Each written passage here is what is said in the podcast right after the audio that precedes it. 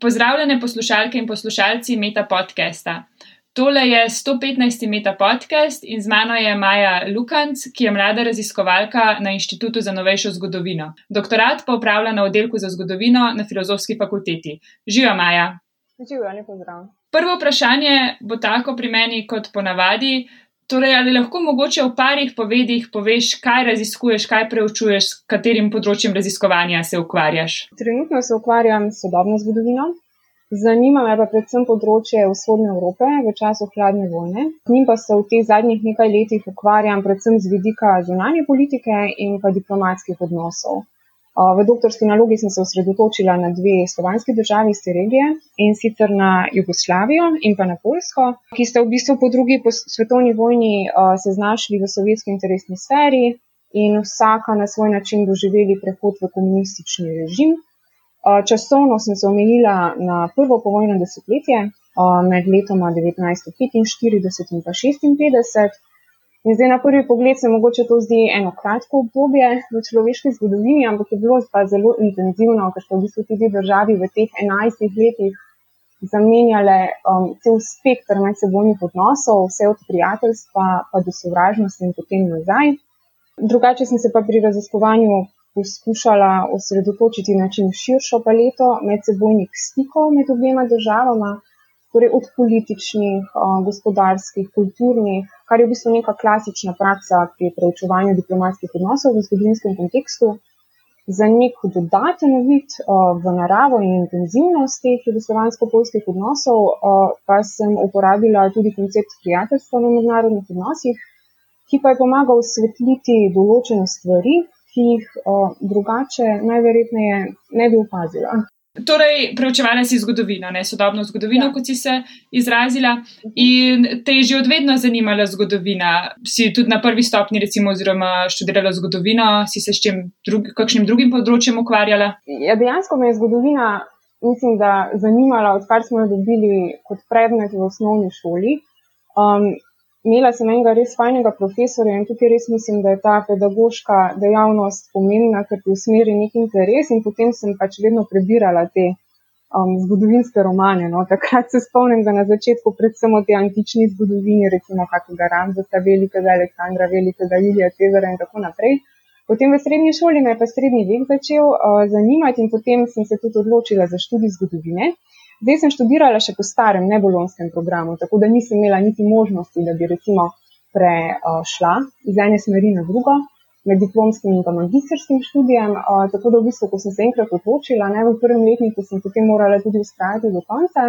Sem se pa odločila potem tudi delati diplomsko nalogo iz srednje veške zgodovine, tako da ta interes je nekako ustrajal zelo dolgo. No, potem, ko sem pa iskala službo, po končanem uh, diplomskem študiju sem pa v bistvu nekako se znašla na Inštitutu za novejšo zgodovino.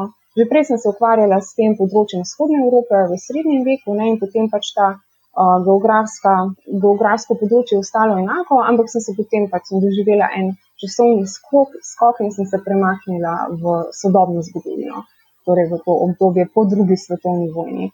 Me pa nekako vedno to področje zanimalo, ne? tako da čeprav je to časovno prehajanje, je v bistvu zanimivo spremljati neko področje skozi daljše zgodovinsko obdobje, ne? tudi pol, tis pol tisočletja.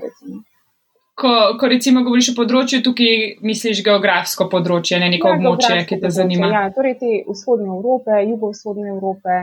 Um, In kaj te privlači pri, na tem območju? Iskreno povedano, ne vem. Um, ne bi rekla zdaj, da, recimo, um, da sem se zavestno usmerila v to področje. Se mi zdi, da nekako je prišlo do nekega spleta okoliščin na ključi, da sem se v bistvu vedno potem tudi znašla, recimo, ali na nekih um, potovanjih, ali na nekih izmenjavah, na kakšnih teh študentskih seminarjih um, na tem področju vzhodne Evrope. No in potem posledično me je pa začelo zanimati, predvsem preko tega stika z ljudmi ker so mi nekako približali te kulture, tudi jezike, ne, um, ki so zelo pomembni v zgodovinopisju. To, recimo, no, sem imela eno tako čist um, romantično predstavo o zgodovini ne, tam v srednji šoli. Nisem točno si predstavljala, kako to raziskovanje poteka. Jaz, recimo, izrazito nisem marala jezikov v srednji šoli, vse drugo mi je šlo, jeziki pa ne.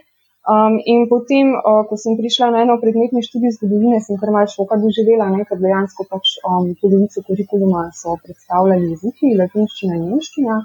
In se je bilo v bistvu potem treba čez to pregrist, ampak ne vem, no, potem s časom so me pa tudi jeziki začeli zanimati. V zadnjem času bolj slovanski, ker sem bila s tem bolj soočena. Ne.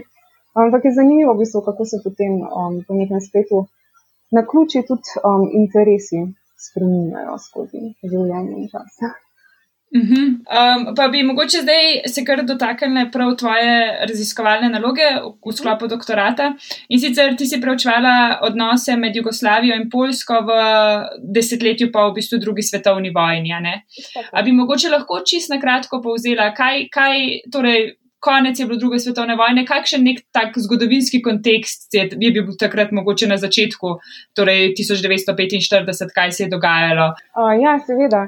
Zdaj, jaz v bistvu um, ne bi začela prav leta 1945 pri tej um, štunde nul, ne, torej uri nič, ko se je končala druga svetovna vojna, ravno zaradi tega, ker sem v bistvu preko raziskovanja ugotovila, kolikšen vpliv je imela druga svetovna na vso to um, povojno, prvo povojno desetletje, pa ne samo na ta čas, na v bistvu še dan današnji, ima veliko vpliv um, na družbeno, politično, kulturno življenje.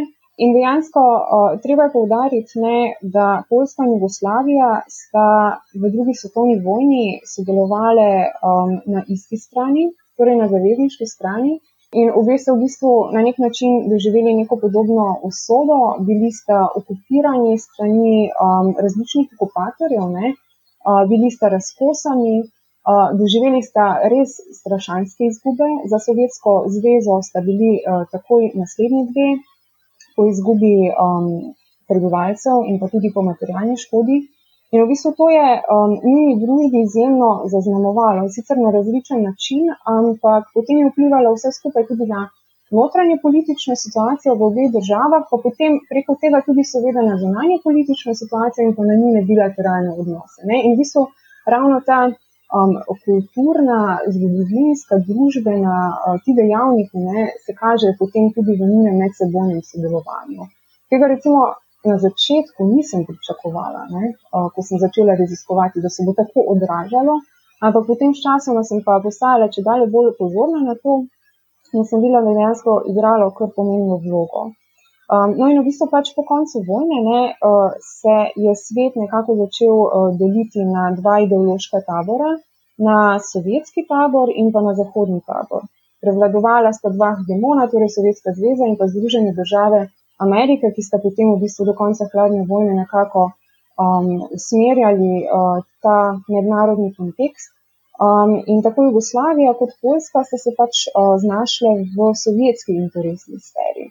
Jugoslavija nekako um, prostovoljno ne, um, si je želela um, uvesti ta družbeni režim oziroma večji del prebivalstva je bil temu naklonjen, uh, kar je bila seveda posledica te močne partizanske borbe narodno-osvobodilnega gibanja, ki so ga vodili komunisti, medtem ko na Polskem uh, je bila pa situacija drugačna. Ne. Tam pa v bistvu ta komunistični režim res prišel um, na sovjetskih tankih z rdečo armado komunisti niso bili neka velika sila v sicer močnem narodno-osvobodilnem gibanju, ki je stalo zvesto tej vladi v znanstvu v Londonu.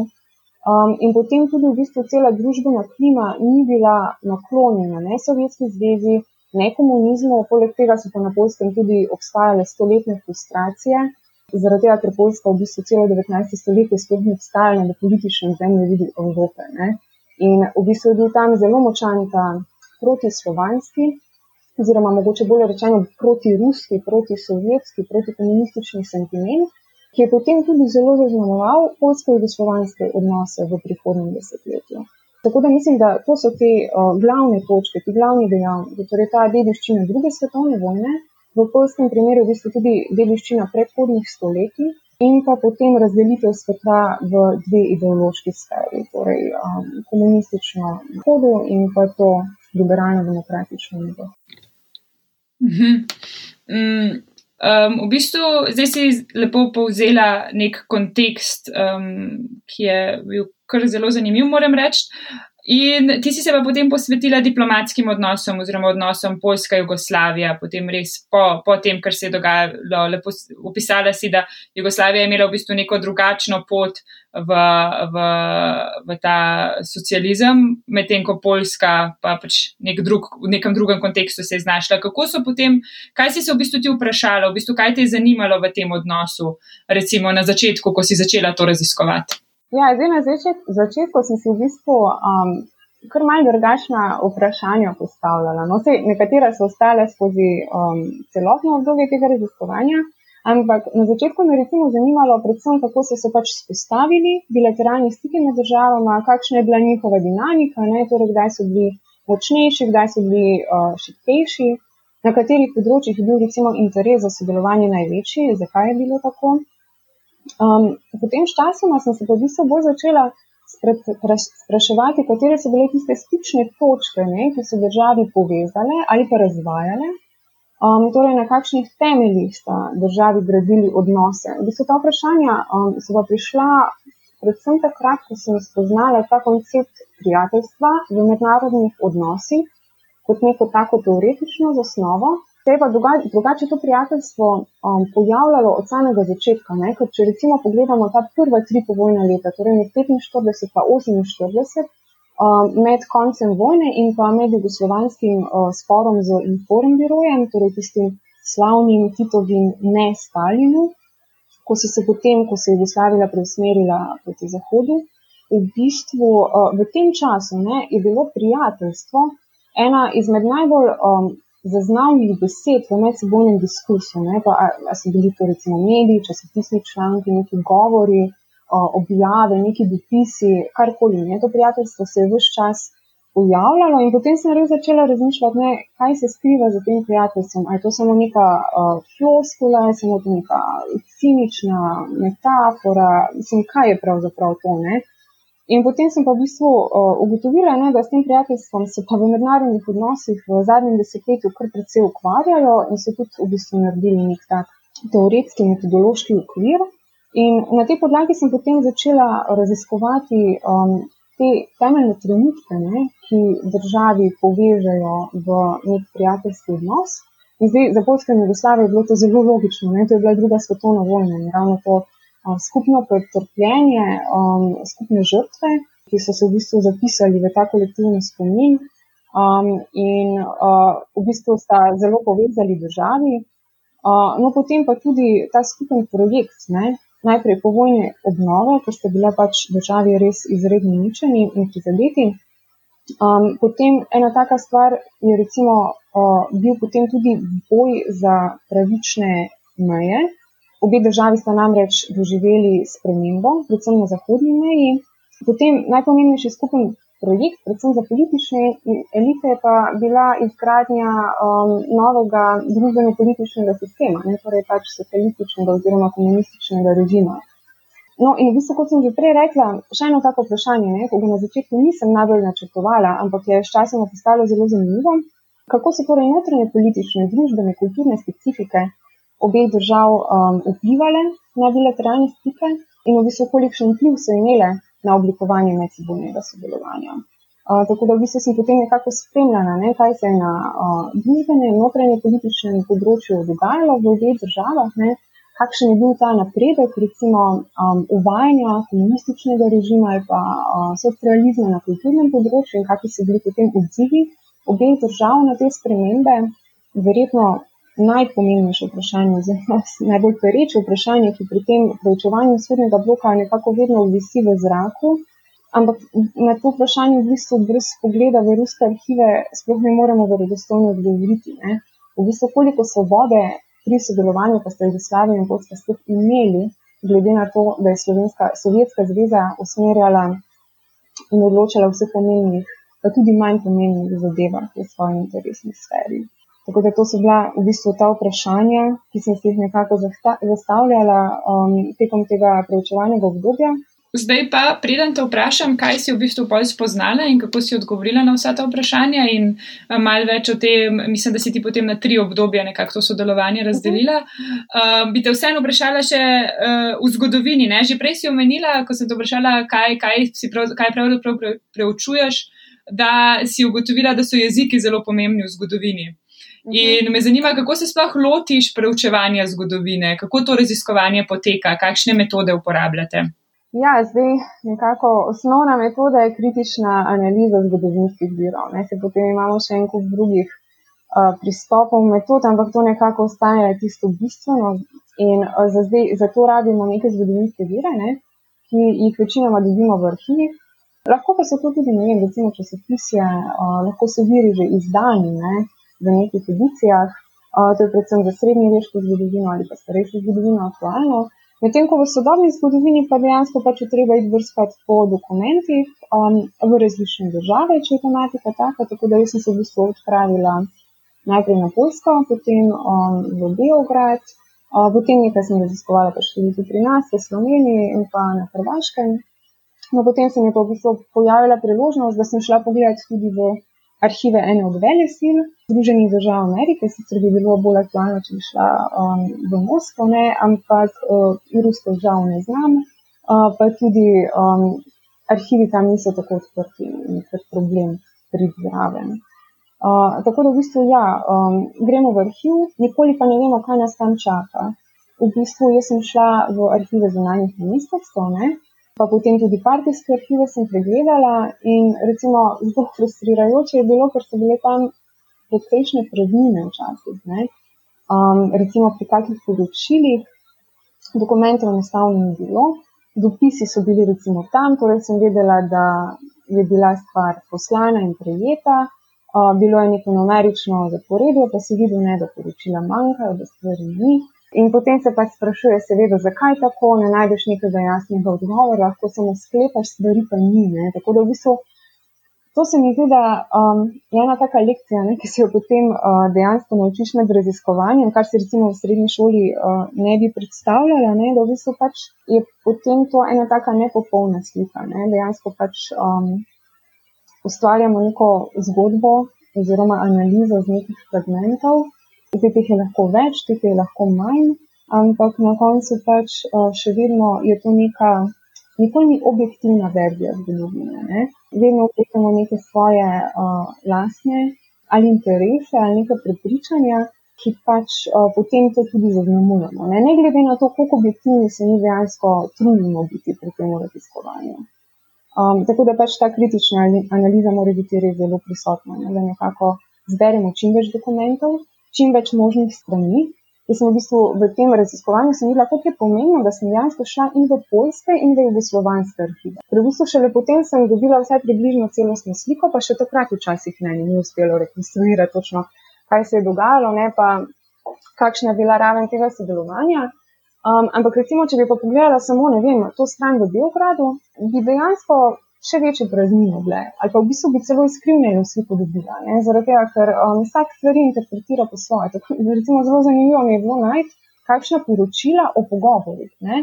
Ne vem, recimo se je um, poljski ambasador v Beogradu pogovarjal z jugoslovanskim zunanjim ministrom in potem je vsak napisal svoje poročilo, ne, ki se nahaja pač eno v Beogradu, eno pa v Varšavi. In v bistvu, kako sta recimo isto srečanje oba interpretirala različno. A si mogoče tudi s kom, glede na to, da gre za sodobnejšo zgodovino, si s kom tudi kakšen intervju opravila, s kom, ki bi bil še živ iz tistega časa? Ja, v bistvu, če se le da, to počnemo. Ne? Oziroma, to je spet mogoče stvar neke osebne preference. Um, ampak jaz v bistvu sem spoznala uh, enega gospoda, enega um, polskega sociologa, ki je bil rojen, uf, mislim, da leta 25-26 in je v bistvu v času jugoslovanskega spora z Inforem Birojem bil član Poljske mladinske komunistične organizacije. In um, v bistvu se je spomnil ne, tega trenutka, ko so izvedeli, da um, se je pač ta komunistični svet sprl z Jugoslavijo, ne, z Titom, ki je bil v bistvu pač viden kot nek um, vojni junak. In V bistvu to je bil zelo tak um, zanimiv intervju, sploh zaradi tega, ker se je gospod še potem um, akademsko ukvarjal ne, z samo družbo kot tako, ne kot sociolog, pa tudi uh, mislim, da na neki ravni je bil politično aktiven. No? Um, tako da je bilo zanimivo poslušati njegove refleksije, ampak uh, je pa seveda treba to kritično obravnavati, uh, z določeno mero skepse, pogledati vire. Ne? Kako se stvar, stvari dopolnjujejo, ampak vsekakor so to taki osebni pogledi, ne, ki dejansko dajo nek občutek za tisto obdobje, kako je bilo takrat, ne, kako so ljudje dojemali stvari, kako so jih začutili, kako so jih videli. Je pa res ena taka dodana vrednost, ne, ki je vedno dobrodošla, če, če, če so še ljudje živi. Um, prej si omenila kar veliko vprašanj, ki v bistvu si, si ena zastavila na začetku, potem si spoznavala, se prebijala skozi arhive in skozi vse te vire in so se malo spremenila. Pa mi zdaj lahko poveš, kako si nekako neko, kaj si spoznala glede teh odnosov med Polsko in Jugoslavijo v tem obdobju in prijateljevanju oziroma ne prijateljevanju. Uh, mogoče lahko nek, uh, nek za zaključek, no? mogoče kaj, kaj recimo glavna spoznanja tvojega raziskovanja so bile. Mhm, ja, kot si že sama prej omenila, ne, da se to obdobje lahko razdelimo na tri takšna zaokrožena podobdobja in sicer na čas prijateljstva med letom 45 in 48, ko so državi nekako začeli graditi te odnose. Prej sem že omenila, ne, da predtem niste imeli neke um, močne tradicije sodelovanja. In v bistvu tukaj se je res potem poznalo, da niste imeli neke um, institucionalne zasnove, da ste marsikaj začeli od začetka. Pa v bistvu sem videla, ne, da je vse čas uh, pomembno vlogo igrala ta vojna škoda. Torej, na začetku ni bilo neke transportne infrastrukture, recimo ni bilo nastanitvenih zmožnosti, ne, da bi dejansko lahko sprejemali neke večje skupine kulturnikov ali pa študentov in tako naprej. In v bistvu se je potem tudi pokazalo, da um, ta kulturna izmenjava ne, je zaživela nekoliko kasneje, šele tam leta 47 se je res razmahnila, medtem ko na začetku so bili res v bistvu v spredju ti eksistencialni potrebi. Ne, torej najprej so poskrbeli za gospodarske povezave, za razvoj trgovine in na tem področju recimo bila bolj, bolj zainteresirana Jugoslavija, saj na začetku. Potem ogromno so se ukvarjali z menjimi vprašanji kot sem že prej omenila, po drugi svetovni vojni v bistvu premiki meja niso bile, bili neka ustaljena praksa, bolj so premikali prebivalstvo.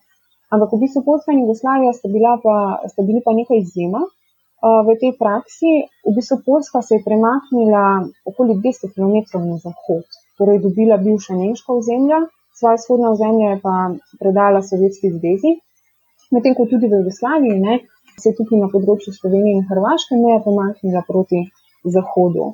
Um, in v bistvu so potem te meje bile stvar um, mirovnih konferenc in tukaj so državi zelo sodelovali. Tukaj so našli tudi to stično točko, ne, ta interes, to povezavo, uh, kjer so se lahko našli, kjer so vzpostavili te prijateljske prakse, recimo ne, izmenjava nekih informacij, ki si drugače jih ne bi delili, potem uh, raznega, raznega materijala in tako naprej pa potem tudi um, samo sodelovanje na konferencah, ko ste zagovarjali druge druge in tako. No, kot sem rekla, ne, v bistvu v teh prvih dveh povojnih letih so bili predvsem um, ta vprašanja v spredju, torej meje, um, spostavljanje nekih političnih vezi, uh, sklepanje sporazumov, s katerimi so potem to sodelovanje v bistvu spravili na neko pravno formalno podlago. No, potem so pa prišle na vrsto te kulturne izmenjave, ne, za katere so se pa vsi zavedali, da so dolgoročno najpomembnejše, da v bistvu pač ta medsebojna poznanstva, um, predvsem mladih ljudi, torej nekih študentov, ki pač grejo v tujo državo, um, spoznajo prijatelje tam, mogoče celo ljubezni se poročijo in potem nazaj prinesejo to neko novo razumevanje, da v bistvu to tisto bistvo, ne, ki državi na dolgi rok res povezuje, ko v bistvu zoža ta prostor, ne tujega med obema državama, ko dejansko pač drugega ne vidiš več kot drugega, ne, ampak kot del sebe. Um, in v bistvu so začeli um, zelo načrtno posvečati pozornost temu področju.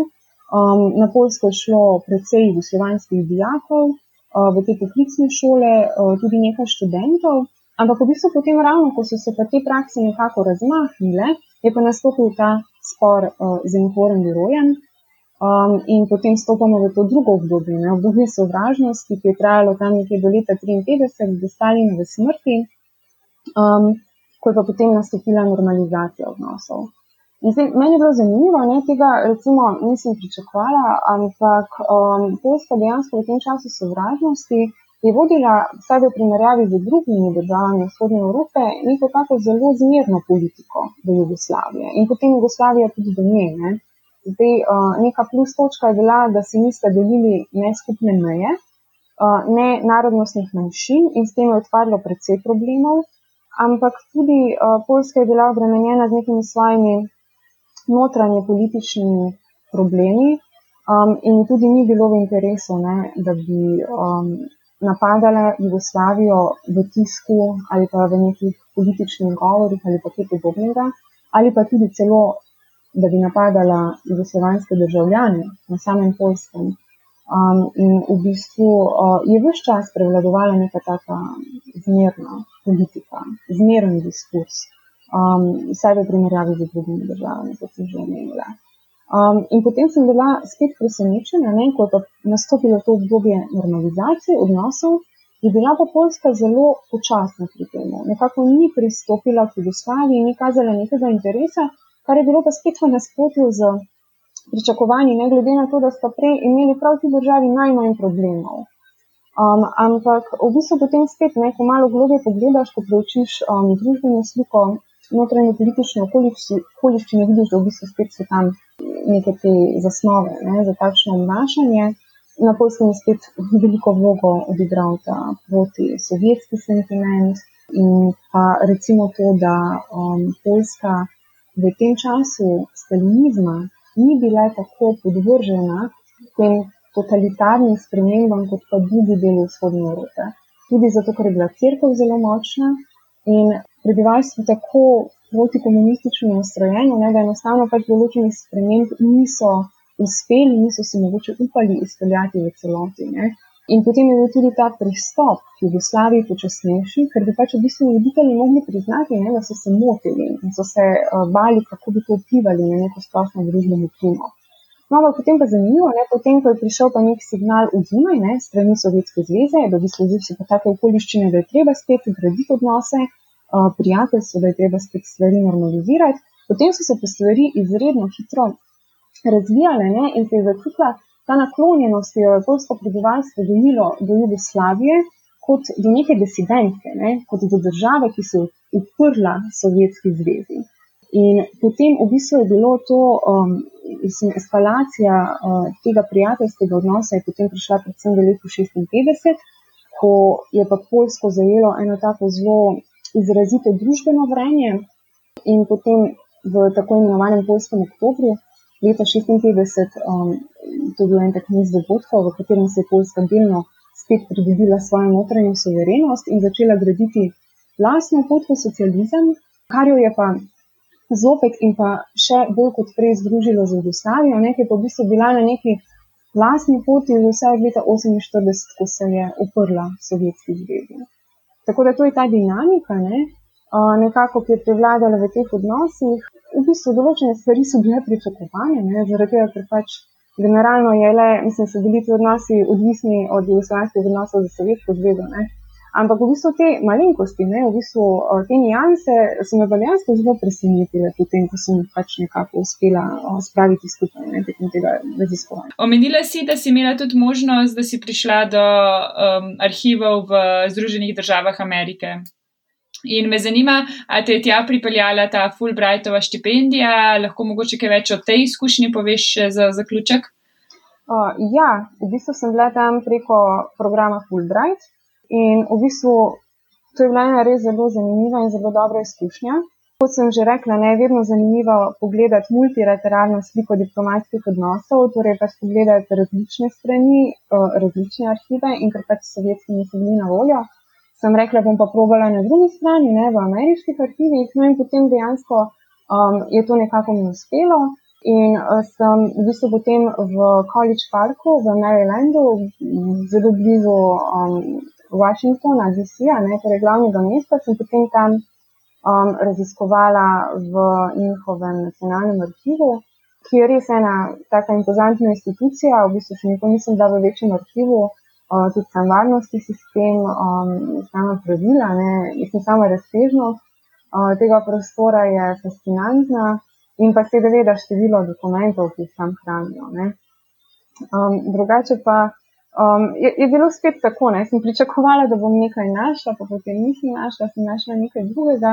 Uh, zanima me pa predvsem ta ameriški pogled uh, na vzhodno Evropo, ker v bistvu večinoma uh, so se zgodovinari do sedaj zanimali ne, uh, za ta odnos med Jugoslavijo in Ameriko kot tako, ali pa recimo, kako je Amerika videla um, odnos med Jugoslavijo in Sovjetsko zvezo, torej med temi najpomembnejšimi akterji.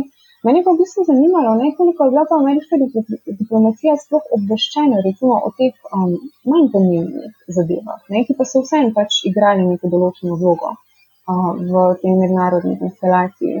In v bistvu kako so v bistvu ta diplomatska predstavništva delovala, ali so pridobivali neke informacije, jih niso, kako so bile v bistvu obveščene ne, o samem dogajanju med Poljsko in Jugoslavijo.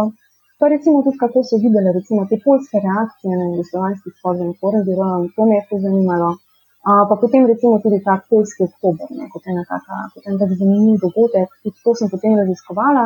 Ampak moram priznati, da v bistvu te um, slike, ne, ki sem jih tam napila, teh dokumentov, so večinoma še na mojem računalniku, mi še ni uspelo pogledati, samo enih par bistvenih zadev, um, ki so bile pač um, neposredno vezane na doktorsko dizertacijo, sem pregledala, ostalo pa pač nekako še čakam uh, na prihodnje raziskovanje.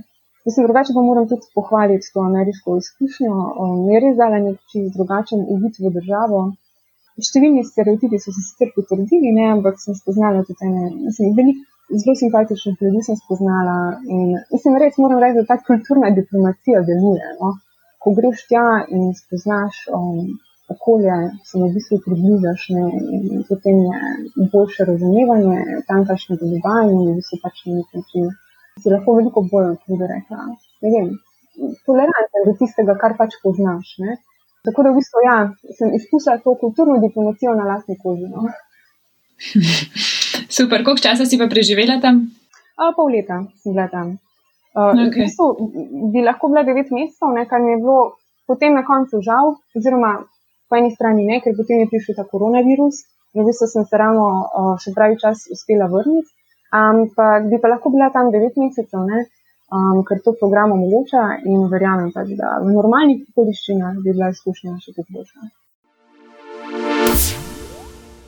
Ali se spomniš kakšne zabavne ali zanimive anekdote povezane s svojim mentorjem ali mentorico, ali pa morda kakšne nenavadne, smešne anekdote, ki se je zgodila tekom tvojega raziskovalnega dela v sklopu doktorata?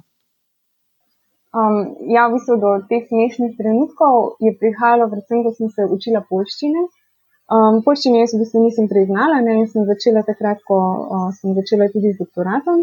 In v bistvu pač jezika imate predvsej teh lažnih prijateljev, ne, tako kot vsi drugi slovanski jeziki. Um, in v bistvu uh, pol leta sem preživela drugače na polskem, in potem proti koncu mi je že, jezik že kar dobro tekel, um, ampak če se po kakšnega izraza recimo nisem mogla spomniti, sem pa vzela kar slovensko besedo ne, in sem jo potem nadela en tak polski zven.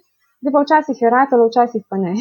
In v bistvu um, po enem dobrem kosilu, ki mi ga je skuhala ta gospa, pri kateri sem živela, um, sem na koncu se želela pa zahvaliti za sledico. In v bistvu sem vzela besedo posladek um, in se je po nekem ključu transformirala v pošladek. In potem je pač ta gospa malo čudno pogledala ne? in se začela smejati in na koncu povedala, da v bistvu v polščini uh, pa pošladek pomeni ritmica. Tako da teh primerov je bilo kar precej, no, ampak gospa je bila že navajena, da so se take stvari dogajale. No, drugače mi je pa v bistvu še ena zanimiva prigoda uh, zgodila v Beogradu. Hmm, no, glavno v enem od tamkajšnjih arhivov uh, sem, je delala tudi ena zelo prijazna gospa, uh, ki pa ni bila arhivistka, bila je navadna uradnica, uh, par let pred penzijo. No, glavno in tam sem raziskovala novembra. Vreme je bilo res tako turobno in v čitalnici arhiva sem bila večinoma sama. Uh, in en, tam, en dan se je ta gospa odločila, da pač poskrbi za moje zdravje in je na mizo prinesla uh, polovico ulupljene grenike. Eh, in jaz sem imela tisto mizo polno dokumentov ne? in naj povdarim, da v te arhivske čitalnice ponovadi še vode ne smeš prinesti s sabo. In v bistvu sem potem panično začela umikati tiste dokumente, oziroma sem se ostala, grem v njih to pojesti, ne, tista gospa je bila pa zelo fredna, kao, vse ni treba, ti pa tu pojej v miru, ne. No, pa se je končalo, da sem šla za sosedno mizo, ki je bila prazna in sem tam pojedla tisto grenivko, pa malo sem se pač nasmihala sama pri sebi na celotno situacijo, ne, ki bi lahko tudi um, bila zaskrbljujoča. Ja. Kako so se od upisa do danes spremenila tvoja pričakovanja glede doktorskega študija in ali bi se ponovno odločila za doktorski študij? Jaz veliko razmišljam nazaj. Um, dejansko niti nisem imela nekih posebnih pričakovanj glede tega doktorskega študija. Zato v tistem trenutku sem bila predvsem vesela, um, da sem kot mlada raziskovalka dobila službo in da sem se lahko ukvarjala s tistim, uh, kar sem tudi študirala. Sem bila pa potem mogoče malo presenečena, uh, kako samoten je ta proces arhivskega raziskovanja, predvsem pa si v tujini, um, pa tudi potem pisanja. Ko je bila v bistvu izolacija za mene res najboljši način, da sem stvar dokončala. To se je v bistvu dogajalo predvsem v Ameriki, uh, ko dejansko pač res nisem imela toliko stikov in sem lahko imela pač ta mir, da sem dokončala s pisanjem. Pa mogoče tudi nisem pričakovala, ne, da bom imela toliko priložnosti um, raziskovalno potovati. Predvsem si nekako nisem predstavljala, ne, da bom šla v Zelo, ampak moram reči, da tudi recimo Poljska je bila ena taka super izkušnja. Um, in tudi mogoče v prihodnosti, če se z njo več ne bom ukvarjala, se bom res veseljem tja vračala.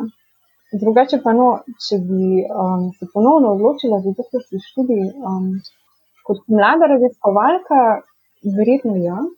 Ampak recimo, da bi poplačala tudi 10 tisoč evrov, pokor je treba na Univerzi v Ljubljani, um, pa se mi zdi, da se ne bi, ne, ker um, dejansko ta sam program premalo ponudi če bi imela priliko iti na kavo s predsednikom vlade, kaj bi mu predlagala, da izboljša na področju znanosti?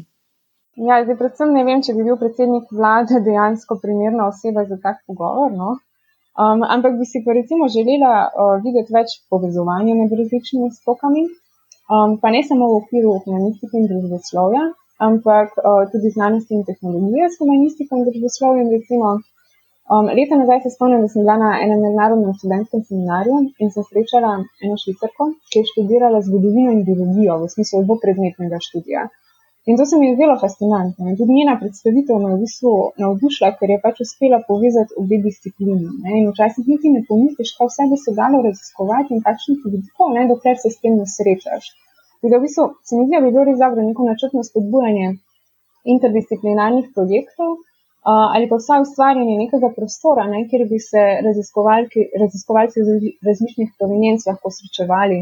In recimo ravno ta ideja ameriškega kampusa, ne, recimo nek tak dober primer um, združevanja, um, pa temu primerjen je potem tudi um, pretok idej.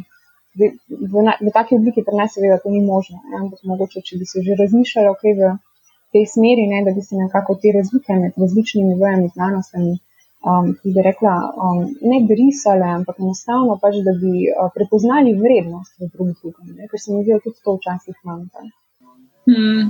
No, drugače se mi pa zdi, da bi se tudi vsi humanisti in pa družboslovci um, nekako strinjali, da bi moglo priti do spremembe v točkovanju teh znanstvenih prispevkov, da bi pač v spredje res prišla kvaliteta, ne pa samo kvantiteta bi drugim doktorskim študentom in študentkam predlagala kakšno tehniko za upravljanje s časom ali pa morda računalniški program, ki ti olajša delo in ti prihrani čas? Um, meni je pri delu um, zelo pomagal program Citavi. Uh, kot že samo ime pove, je namenjen citiranju literature, lahko tudi virov, odvisno kako si ga pač prirediš. Um, in na koncu teksta pač sam generira celotno bibliografijo, tako da meni prihrani ogromno časa. Mi je bil pa tudi všeč, ker je uporabljen za ustvarjanje zapiskov, komentarjev. In če recimo v tem programu bereš članke, si lahko dele teksta tudi markiraš ali pa jih komentiraš in potem shraniš po določeno ključno besedo ali pa poglavje. In potem te citate program prenese v Word dokument in jih avtomatsko razporedi po teh naprej določenih poglavjih ali pa ključnih besedah. Tako da meni je bilo res praktično. No? Super.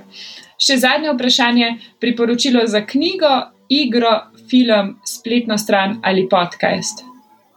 Um, ja, nekaj mesecev nazaj sem brala um, knjigo Melissa Feinberg, Curtain of Lies, torej zavesa leži in mislim, da je bila res zanimiva. Uh, in avtorica v center pozornosti v bistvu postavi nekega poprečnega vzhodnega evropejca v času stalinizma, torej med letoma 48 in 56, uh, ki je bil v bistvu pod propagandnim udarom dveh različnih interpretacij vzhodne Evrope. Komunistične oblasti države, v kateri je živel, ne samo prikazovali neko svojo podobo realnosti v komunističnem svetu, medtem ko so zahodne države preko mreže teh svojih radijskih kanalov, recimo kot um, Radio Svobodna Evropa, Glas Amerike, so potem evropskim prebivalcem poskušale posredovati neko svojo interpretacijo dogajanja v sovjetskem bloku. Ne? In v bistvu potem pri, pri tem avtorica um, ugotavlja, ne, da sta pa obe stvari, strani uporabljali podoben diskurs, uh, manipulirali ste z resnico, z lažmi, s strahom um, in v bistvu pač fake news še zdaleč niso zgolj problem današnjega časa. Um, potem bi pa mogoče izpostavila še eno, uh, en zgodovinski roman, ki sem ga brala pa oh, že par let nazaj, no, ampak me je pa res navdušil. Uh, avtor je Evgeni Vodolavski, uh, naslov je pa Laurus in to je v bistvu ime glavnega protagonista, ki um, ga je tekom romana to ime tudi večkrat spremenil, tako da Laurus mislim, da je njegovo zadnje ime. Um, delo pa v bistvu popisuje življenje nekega ruskega zdravilca, ki je živel na prehodu iz, 16, iz 15. v 16. stoletje in res strašno prikaže tako materialni kot miselni in pa duševni svet srednjeveškega človeka in pa hkrati tudi družbe, ki ga obdaja.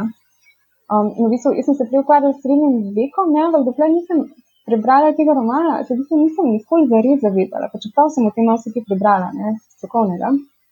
Kako je bil um, srednjeveški vsak dan prepreden z religijo, z nekimi miti, vraževerjem, um, čakanjem odrešenja, ampak hkrati je bil pa zelo pragmatičen. Um, in v bistvu pač, da to je ta neka dodatna dimenzija, ne, ki jo lahko da dober zgodovinski roman, um, ko s temi čustvi in pa fikcijo poseže tja, kamor zgodovina kot znanost ne sme. A ja, drugače pa sem zdaj v času karantene, korona krize, ne, um, gledala eno dobro serijo, HBO-jevo, uh, The Plot Against America, torej Zarota proti Ameriki, ki bazira na romanu ameriškega klasika Filipa Rota.